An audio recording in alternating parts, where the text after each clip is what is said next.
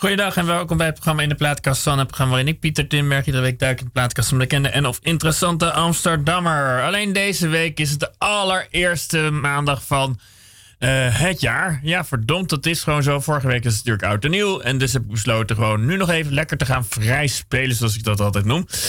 Uh, en dus gewoon leuke muziek te draaien waar ik zin in heb met, om leuk het nieuwe jaar in te gaan. En ik dacht, weet je wat we eens een keer gaan doen? Maar misschien ga ik er ook in afwijken hoor. Uh, eigenlijk hoor, je toch niet zo behalve op Radio 4 en bij de concertzender hoor je niet zo heel veel klassieke muziek als het willekeurige muziek betreft. Dus ik dacht, weet je wat? Ik ga eens gewoon fijne klassieke muziek een uurtje draaien. Uh, en dan uh, kijken we wel waar we verder terechtkomen. Misschien kom ik nog op leuk idee of op interessante betogen. Uh, dat zien we wel. Het heet Vrij Spelen, zoals altijd. Ik wens jullie natuurlijk trouwens alle luisteraars van dit programma een heel gelukkig 2019. Het zal een gek jaar worden, denk ik. Ik hoop dat er, wellicht hoop ik dat er gewoon niet zoveel records verbroken worden. Geen weerrecords, geen gekke records. Het moet een jaar worden, wat mij betreft, waarin we afvragen van... Hey, er moet weer eens wat extreems gebeuren. En dat we dan weer een enkel recordje gaan verbreken. Maar nu gewoon, kijk, je, om, om, om mooie records te hebben, moet je ook momenten hebben, jaren of uh, tijden dat er geen records verbroken worden. Anders is zo'n record niet zo interessant. Kortom, ik ben eigenlijk voor een relatief kabbelend en een beetje saai jaar. Maar wel met een goed inkomen, wat mij betreft. Um, kortom, uh, en wel dat we langzaamaan gewoon dat het tempo wat trager gaat en dat we langzaam tot een soort bezinning komen en tot zinnige conclusies.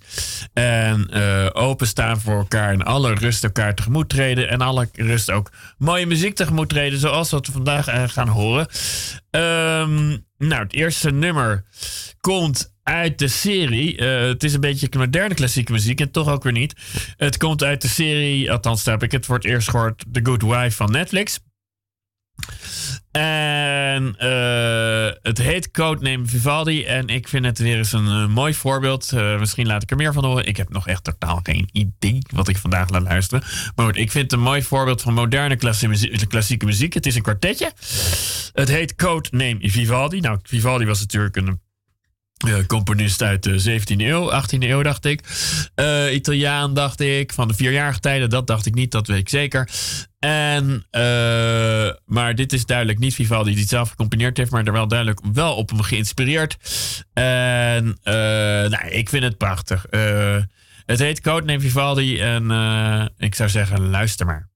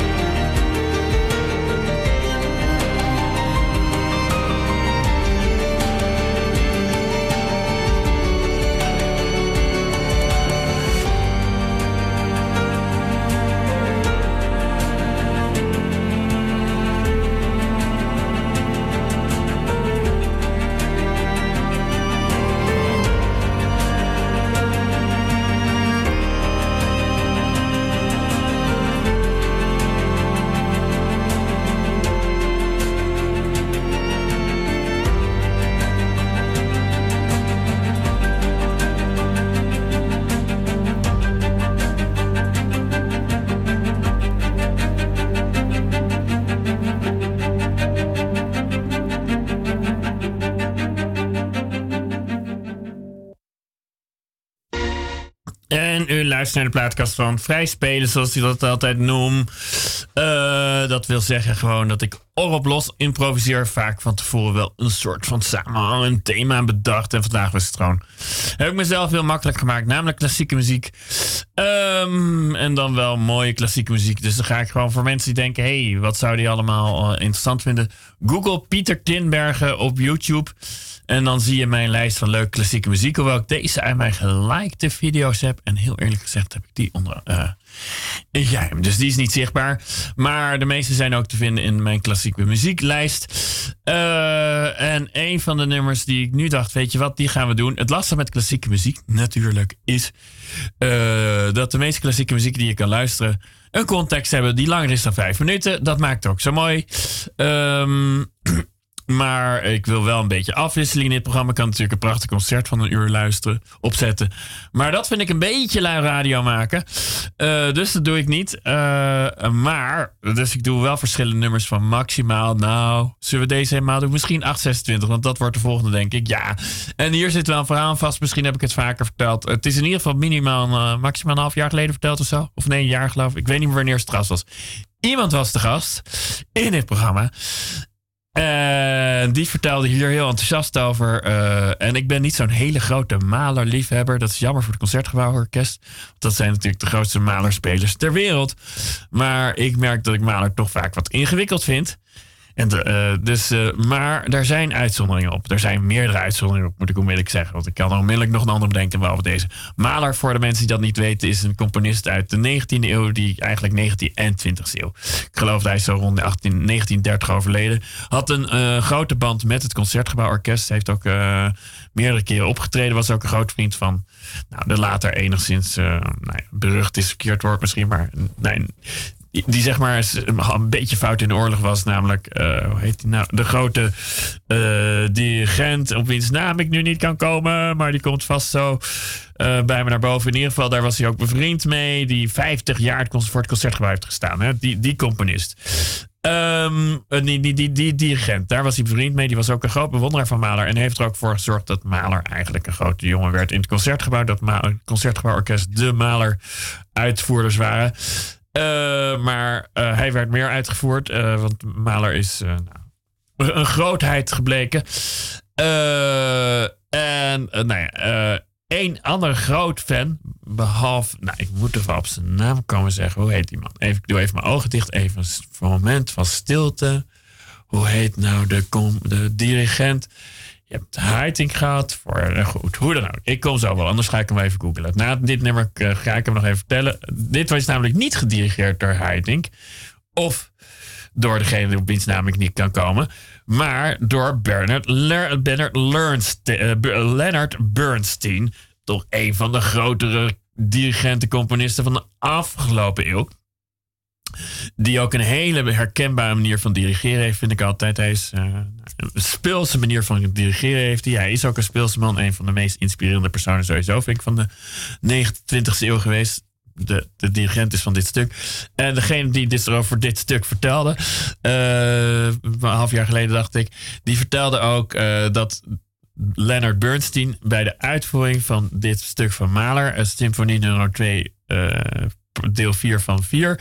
Uh, movement, movement 5. Dat die helemaal uit zijn dak ging. En het is ook geweldig om uh, terug te kijken. Ik zou zeggen, als je achter een computer zit, ga het even opzoeken. Mahler en dan Leonard Bernstein. En dan zie hoe deze man uit zijn dak gaat. En nou ja, als je het luistert ook, het is zo fantastisch mooi. Dus wat een voorrecht moet het zijn om zo'n man te zijn, denk ik dan op dat moment. Want als je dit, dit voor je krijgt. Het concert tilt hem op en hij tilt het concert, het concert op. Het is uh, werkelijk prachtig. Ik zou zeggen, geniet even 8 minuten en 24 seconden van Mahler Symfonie 2. Uh, uitgevoerd door een. Even kijken, ik krijg nu nog reclame, maar dat komt eigenlijk wel goed uit. Even kijken, kan ik zien wie het heeft uitgevoerd? Nou, in ieder geval, de dirigent is. Even kijken. Ja, Leonard Bernstein is de uitvoerder. En het is uitgevoerd, ja, ook door een van de grootste orkesten natuurlijk van de wereld. Het London Symphony Orchestra. En nu gaan we dus luisteren naar de uitvoering ervan.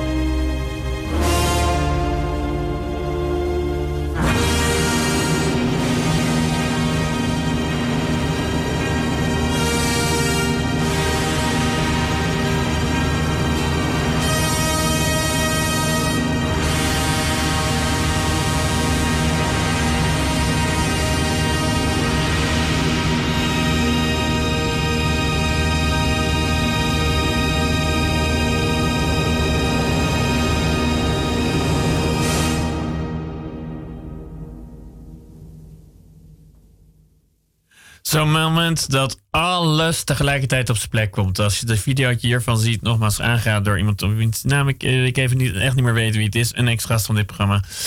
Uh, en ik kan er iedere keer naar kijken, maar ook naar luisteren. Dan weet je, voor alles kwam op dat moment. Het is ook in een prachtige kerkaf wordt het gespeeld.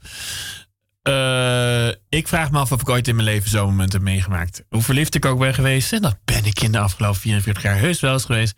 Dat alles zo perfect bij elkaar komt. Met z'n vijftigen. En dan ook nog. Nee, dit is gelukkig ook een opname waarbij het publiek niet ziet. Want die vind ik nooit zo interessant. Maar wel. Alles komt bij elkaar. Je ziet het in de man. Je ziet het in de, in de, or orkestleden. Je ziet gewoon alles. Alles tegelijkertijd helemaal op zijn plek komen. In een grote euforie. Nou, helemaal geweldig om, om, om het iedere keer te herbeleven. Uh, en dat te zien. Ik zou, wou jullie eigenlijk nu uh, iets, iets uh, nou ja, eenvoudigers laten horen. Een beetje ontspanning. Want nou, net was het natuurlijk wel heel wild. Prachtig, maar je wordt emotioneel aardig opgeladen. En ik zit ze even te zoeken, maar ik zie alleen maar. Ja, ik heb er eentje. Nou ja, om nou te zeggen ontspanning. Maar toch. Um, in ieder geval iets rustiger. Iets rustiger. In ieder geval maar één iemand die speelt, geloof ik. Maar misschien heeft Orkets achter zich in ieder geval ook iemand die uit, de dak, uit de dak gaat. Op een heel andere manier. uh, achter de piano wel te verstaan. Beethoven, nou ja, dat is toch ook uh, nou, nee, de 18e-eeuwse componist natuurlijk. Die, die leefde in de rond de eeuwwisseling van 1800, zou ik maar zeggen. Uh, zo, overigens, oh ja, de, de dirigent die waar ik net de naam van kwijt was van het Concertgebouworkest. Wauw, hoe kon ik er vergeten? was natuurlijk Willem Mengelberg. Uh, ik ergens suggereerde, geloof ik, dat Mahler in 1930 nog geleefd zou hebben. Dat is onzin. Hij is gestorven in 1911. Dus toch meer een 19e eeuw dan een 20e eeuw. dan hebben we dat even rechtgezet. Nu gaan we luisteren naar een, uh, een 17e en 18e eeuwer. Namelijk Beethoven. Ietsje rustiger, maar ook iemand die, uh, nou ja, ook geweldig vind ik. Ik word ook iedere keer weer blij als ik dit hoor op een hele andere manier. Uh, gespeeld door Anastasia Hoepman, die ik verder niet echt ken. Maar die dit in ieder geval mooi speelt. En ja, ook. Ze gaat wild tekeer op de piano. Ik vind trouwens het hele eh, begrip klassieke muziek altijd een beetje een rare. Ten slotte is er, gaat klassieke muziek over toch. Nou, het wordt nog steeds gemaakt, maar. Uh, zeg maar tot, tot uh, 1900, zou ik maar zeggen, bestond er niks anders dan klassieke muziek. En er was er toch al 300 jaar minstens fatsoenlijke muziek gecomponeerd, zou ik maar zeggen. Het noodschrift was al een tijdje. Dus het hele begrip klassieke muziek heb ik nooit zo heel veel mee. Muziek is gewoon één grote ontwikkeling en alles is een mengvorm. En dat is maar goed ook. Uh, maar goed, dit heet uh, de, kunstmatig voor klassieke muziek hanteer ik dan toch wel even dit uurtje. Um, en uh, we pakken nu dus Anastasia Hoepman. Nou, dit is gewoon muziek waar ik altijd blij van word. Als je het wil opzoeken, Google Anastasia Hup met twee mannen, twee P's en twee M'en. Hupman. Beethoven Maanlichtsonata. Het is ook nog een bloedmooie vrouw. Het is niet belangrijk, maar toch de ik zeg dat toch maar erg. Ah, seksist ik ben. Nee hoor, dat valt wel mee. Maar in ieder geval, het is prachtig uitgevoerd vooral. En ik word er altijd blij van als ik er naar luister. Kijk maar en luister maar.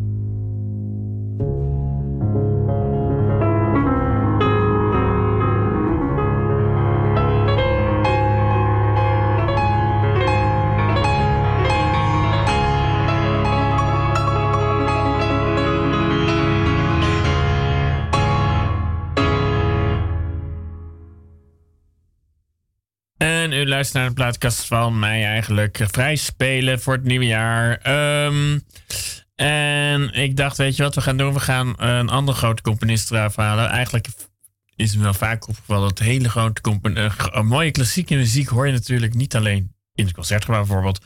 Maar, uh, of in muziekgebouw of gewoon dat soort plekken. Maar ook met name bij films.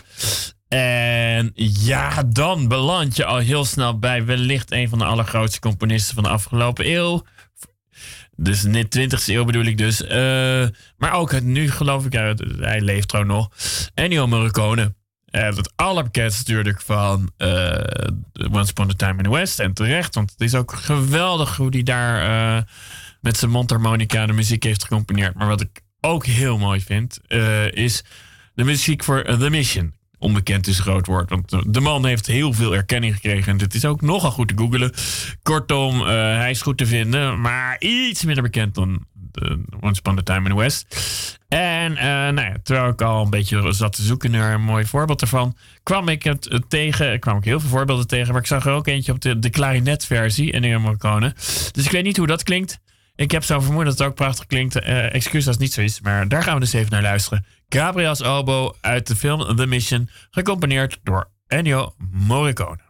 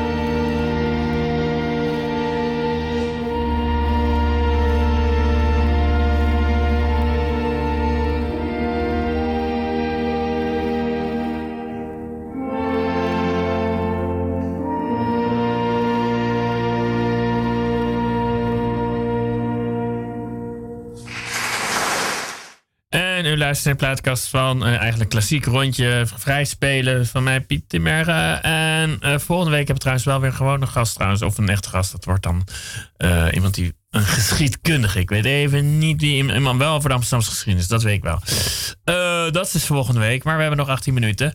En ik heb uh, alweer wat klaarstaan. Dit was trouwens uitgevoerd door Copernicus Chamber Orchestra. En de, de, de, de soliste was Sabine uh, Grofmeijer.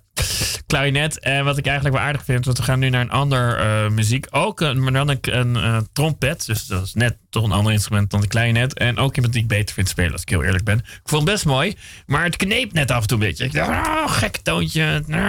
En bij de volgende, die ik wel vaker geluisterd heb, of die ik niet voor het eerst luister, maar heel vaak geluisterd heb, heel ander soort stuk, gecomponeerd door uh, J.N. Hoemer. Johan Hummel, net als Mozart een wonderkind, ook ongeveer in zijn periode, iets daarna. Dus hij werd ook nogal veel vergeleken met Mozart.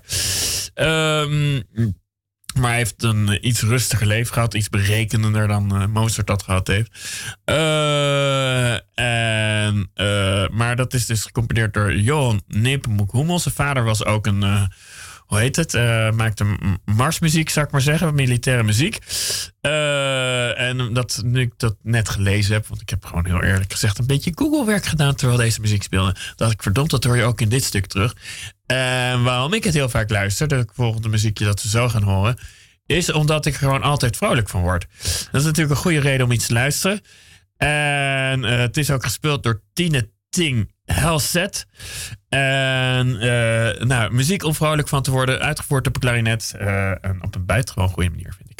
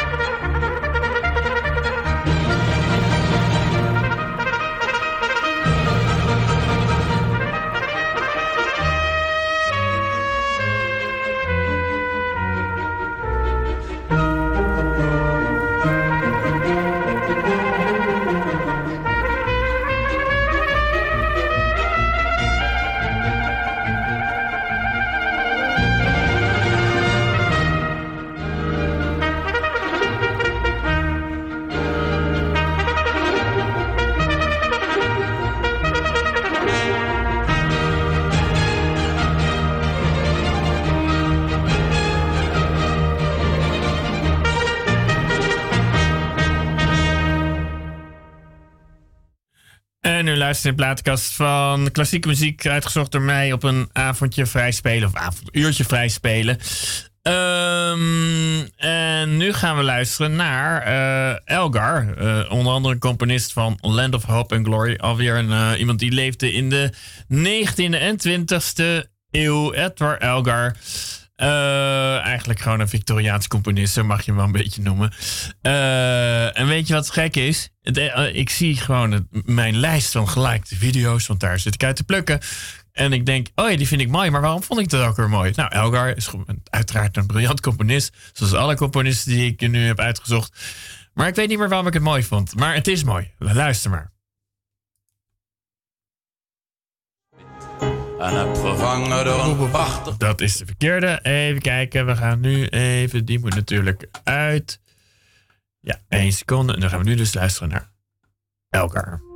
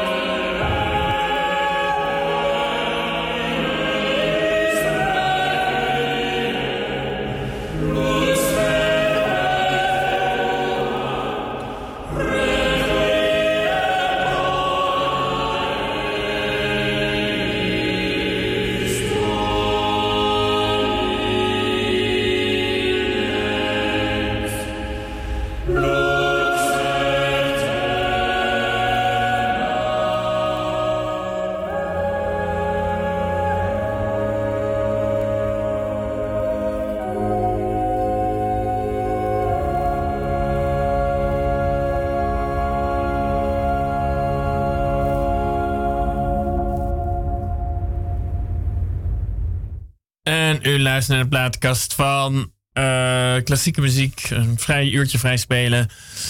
Door uh, op de eerste maandag van januari.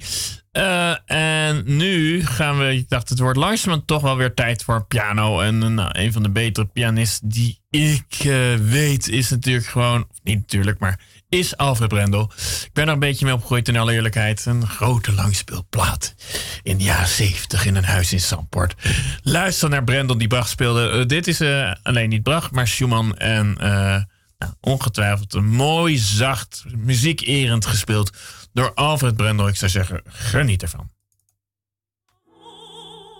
Oh, wacht even. Ja, dan moet ik de andere natuurlijk wel even uit. Even kijken, waar is die andere? Even kijken. Moet die andere... Ja, oh ja, ik zie het al. Juist, nu hoort de Brendel.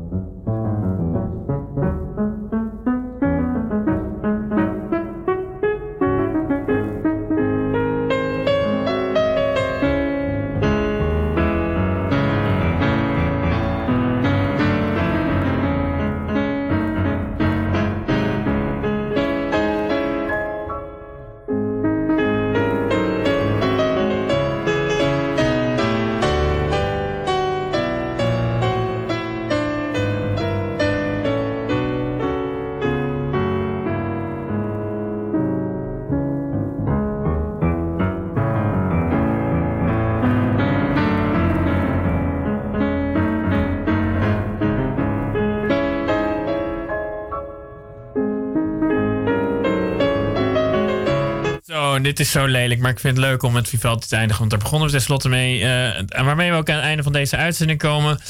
Um, niet natuurlijk dat ik de luisteraar heel hartelijk bedank voor het luisteren van 54 minuten inmiddels naar dit programma. En nu gaan we eindigen met Vivaldi, uh, ook weer aangeraden. Ook, gespeeld zoals het toen ook uitgevoerd moest worden. Dit is ook aangeraden door een gast. Uh, ik weet ook niet meer wie. Ja, weet ik wel. Isabelle, uh, Isabelle van Buren. erg interessante dame was het ook. Maar het gaat me om deze muziek. Vivaldi, Gloria et Pieta in Venetië Heel erg mooi en ook uitgevoerd. Dus Vivaldi, nu echt Vivaldi trouwens. En uh, echt zoals hij het bedoelde. En echt ook helemaal. Dus we begonnen met een totaal ander soort uitvoering van geïnspireerd op Vivaldi. En dit is Vivaldi dat echt zo is uitgevoerd zoals het toen geklonken moet hebben. Ik wens u veel plezier.